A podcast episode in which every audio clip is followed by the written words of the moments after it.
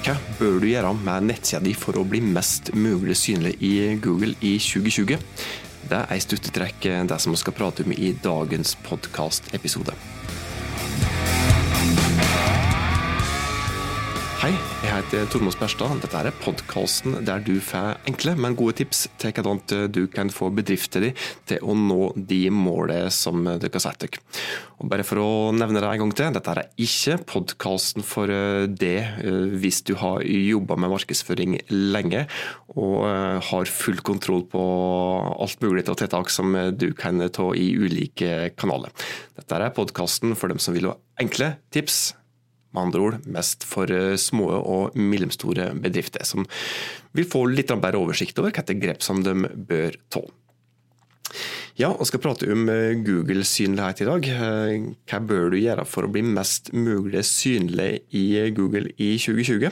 Det har jo skjedd noen endringer i det siste. I eh, innspillende stund så er det ikke så fryktelig lenge siden Google kom med noe som heter Google Burt. Det var vel attende til senhøsten 2019 at de lanserte det som da heter, vårt hetende Google Burt, som da er den største endringen i de såkalte algoritmene sine siden de lanserte det som i sin tid ble kalt for rank brain. Og Google Burt det påvirka en god del eh, hvordan eh, du bør jobbe med å bygge synlighet for nettsida di. For det at denne algoritmeendringa vil faktisk påvirke én av ti av alle søk som blir gjort i Google. Så det er en ganske stor endring dette her. Men jeg skal starte litt mer slik grunnleggende med hva du bør gjøre for å bli mest mulig synlig. Og Det første er helt åpenbart, det er grunnleggende. Det første som du må gjøre, er å vite hva bør du være synlig på. Fordi at det er utrolig mange bedrifter som tenker som så at eh, for oss er det viktig å være synlig på det ordet, på det ordet, på det ordet. Eh, og så synser de, og så tenker de som så at eh, dette ordet som oss mener at oss bør være synlige på. Og Den største feilen med det er jo det at eh, når du gjør det på den måten der, så tar du hensyn til deg sjøl, du tar ikke hensyn til målgruppa di. Du må prøve å sette deg inn i målgruppa di sine sko, for det at eh, de ordene de uttrykker som eh, målgruppa di, potensielle kunder bruker når de leter etter ditt produkt, dine tjenester på nett, det er ofte litt andre ord og uttrykk enn det som du som bedrift, som gjerne bruker litt fagsjargong, bruker når du skal prate om hva du tilbyr. Og For å da vite hva du bør være synlig på, så må du starte med en såkalt søkeordanalyse. Det er ulike verktøy som du kan bruke for å gjøre en søkeordanalyse, men det som du da i stuttetrekk gjør, da, i en slik analyse, er jo rett og slett analysere, ta tak i facts, der du kan finne ut hva det reelle ord og uttrykk er det faktisk målgruppa de bruker når de sitter og så eh, leter etter det som du tilbyr på nett. Finnes mange verktøy for å drive med søkeordanalyse. Ehm, Google sin egen eh, keyword planner, som du finner i Google Ads-verktøyet, er et eh, knakende godt eh, verktøy.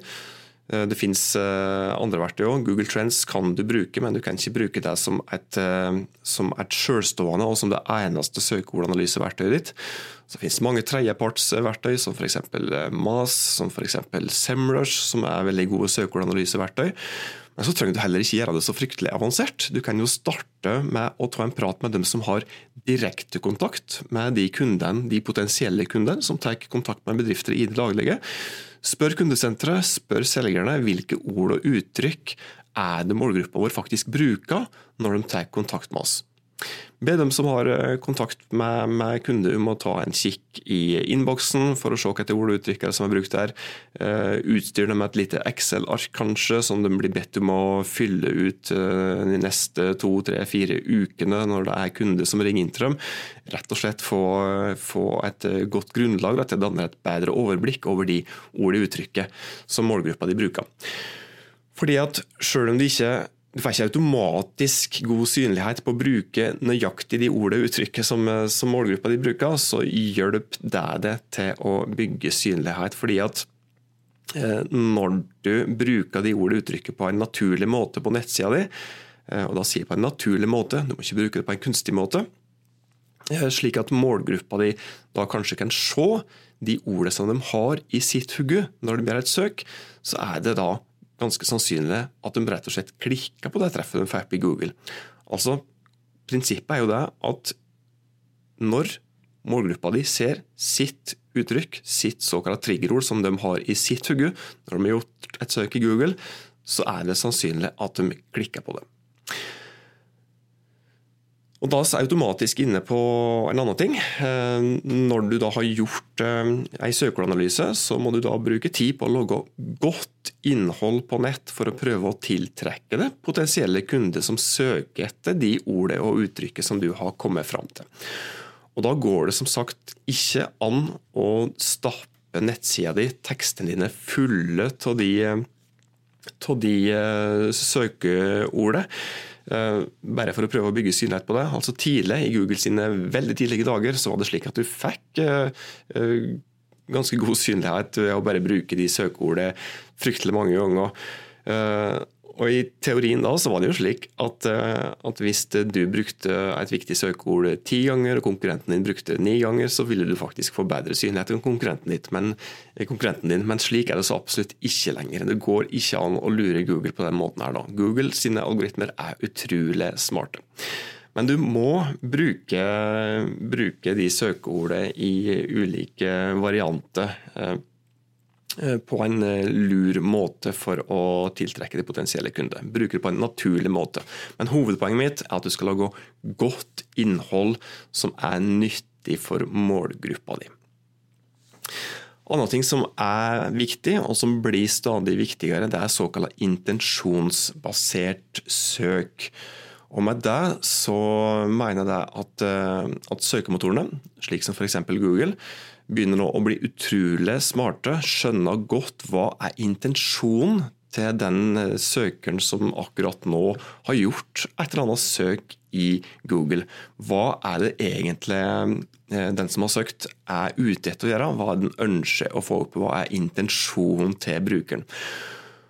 Og Dette her handla faktisk eh, Google Bird om, som jeg nevnte litt innledningsvis. Google Burp ble jo da rulla ut til start. Starta med å rulle ut det i, i fjor høst, som sagt. Og grovt sett da, så, så handla mye av Google Burt om å forstå hva som er konteksten bak de søket som blir gjort i Google. Og Målet til Google er jo da å gi bedre og mer relevante treff til den som da har gjort et søk. Og ja, Det er fryktelig teknisk da, hvordan Google Bert-endringer um, um, egentlig fungerer og er skrudd sammen, men det er jo da slik at Google ser på alle de ordene og setningsoppbygginger, um, bl.a. i det som da brukeren enten har skrevet inn i søkefeltet i Google, eller eventuelt uh, har snakka, hvordan han har prata når han har brukt et stemmebasert søk. Og I tillegg til en del andre faktorer som da gjør at eh, Google da greier å forstå hva er det som er målet til, til, til den som har gjort et søk her nå. Hvilken setting er vedkommende i, hva er intensjonen til vedkommende. Og Så greier da Google nå i langt større grad enn tidligere å gi et mer relevant treff enn det som var tilfellet før. Så intensjonsbasert søk, altså det blir fryktelig mye teknisk hvis du skal gå inn på detaljene her nå, men hvis du da bare tenker på det at Google er flink til å forstå intensjonsbasert søk nå, så forstår du òg kanskje det at det blir enda vanskeligere enn det var før å bygge synlighet på bare slike enkle, enkeltstående søkeord og søkeorduttrykk.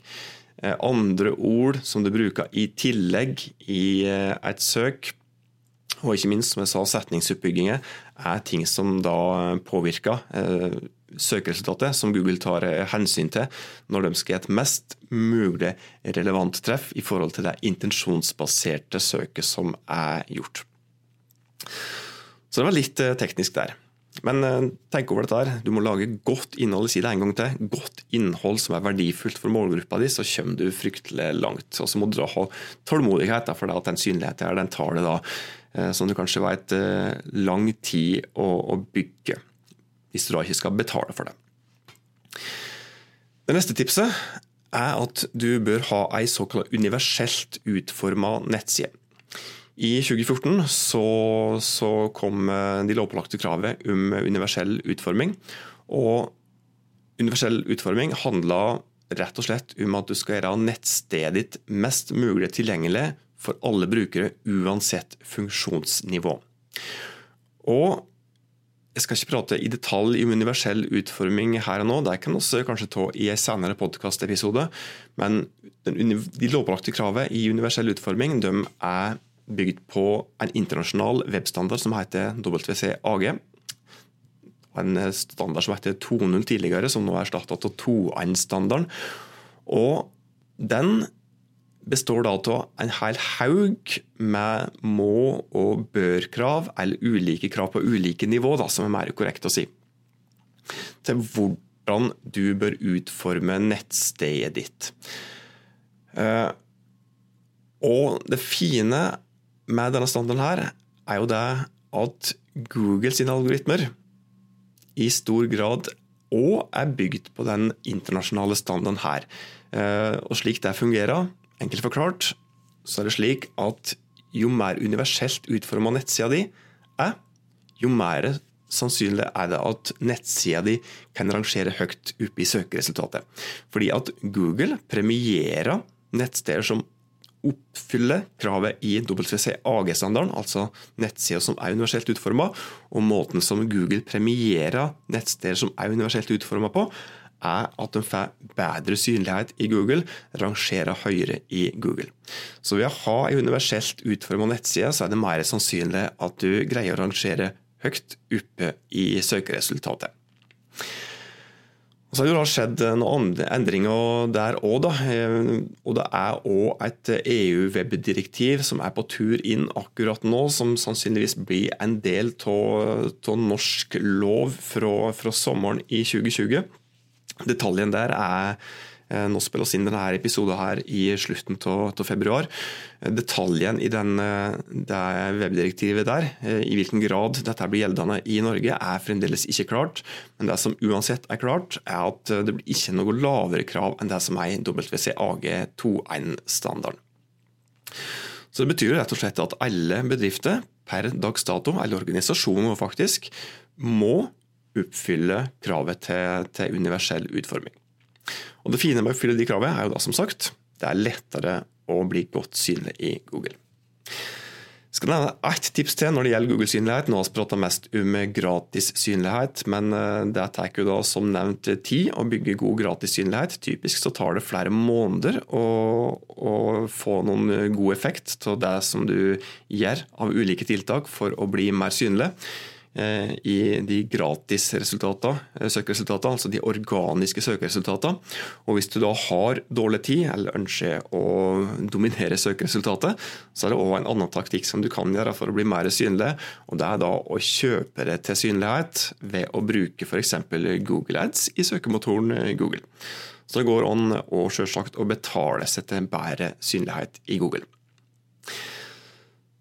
Da har du fått noen tips til hva du kan gjøre for å bli mer synlig i Google. Eh, første som jeg sa, var at eh, du må gjøre en god søkeanalyse, slik at du vet hva du bør være synlig på. Eh, når du gjør det, så er det ofte lurt å bruke noen som kan faget sitt, for dette her er et fag. Deretter så må du lage godt innhold for å prøve å tiltrekke det potensielle kunder som søker etter de ord og uttrykket som du mener at det er viktig å være synlig på. Universell utforming har vi prata om er viktig. Og Som en litt bonustips så kan jeg si det at det er fryktelig mange tekniske grep òg som du kan og bør ta for å bli mer synlig i Google.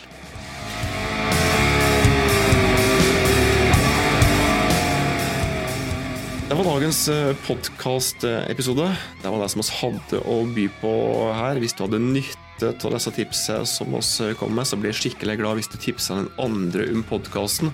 Hvis du har ønske om tips som vi skal ta opp i denne podkastserien, har, har eh, spørsmål om uh, om noe av det som vi skal prate om, send meg en, en DM på Insta, så lover jeg å komme tilbake til det med et personlig svar så fort som mulig. Og hvis du ikke gjør det allerede, Abonner på podkasten, slik at du er sikker på at du ikke går glipp av neste episode med matnyttige tips til hvordan du kan nå målet som bedrifter som du jobber i, har sett seg.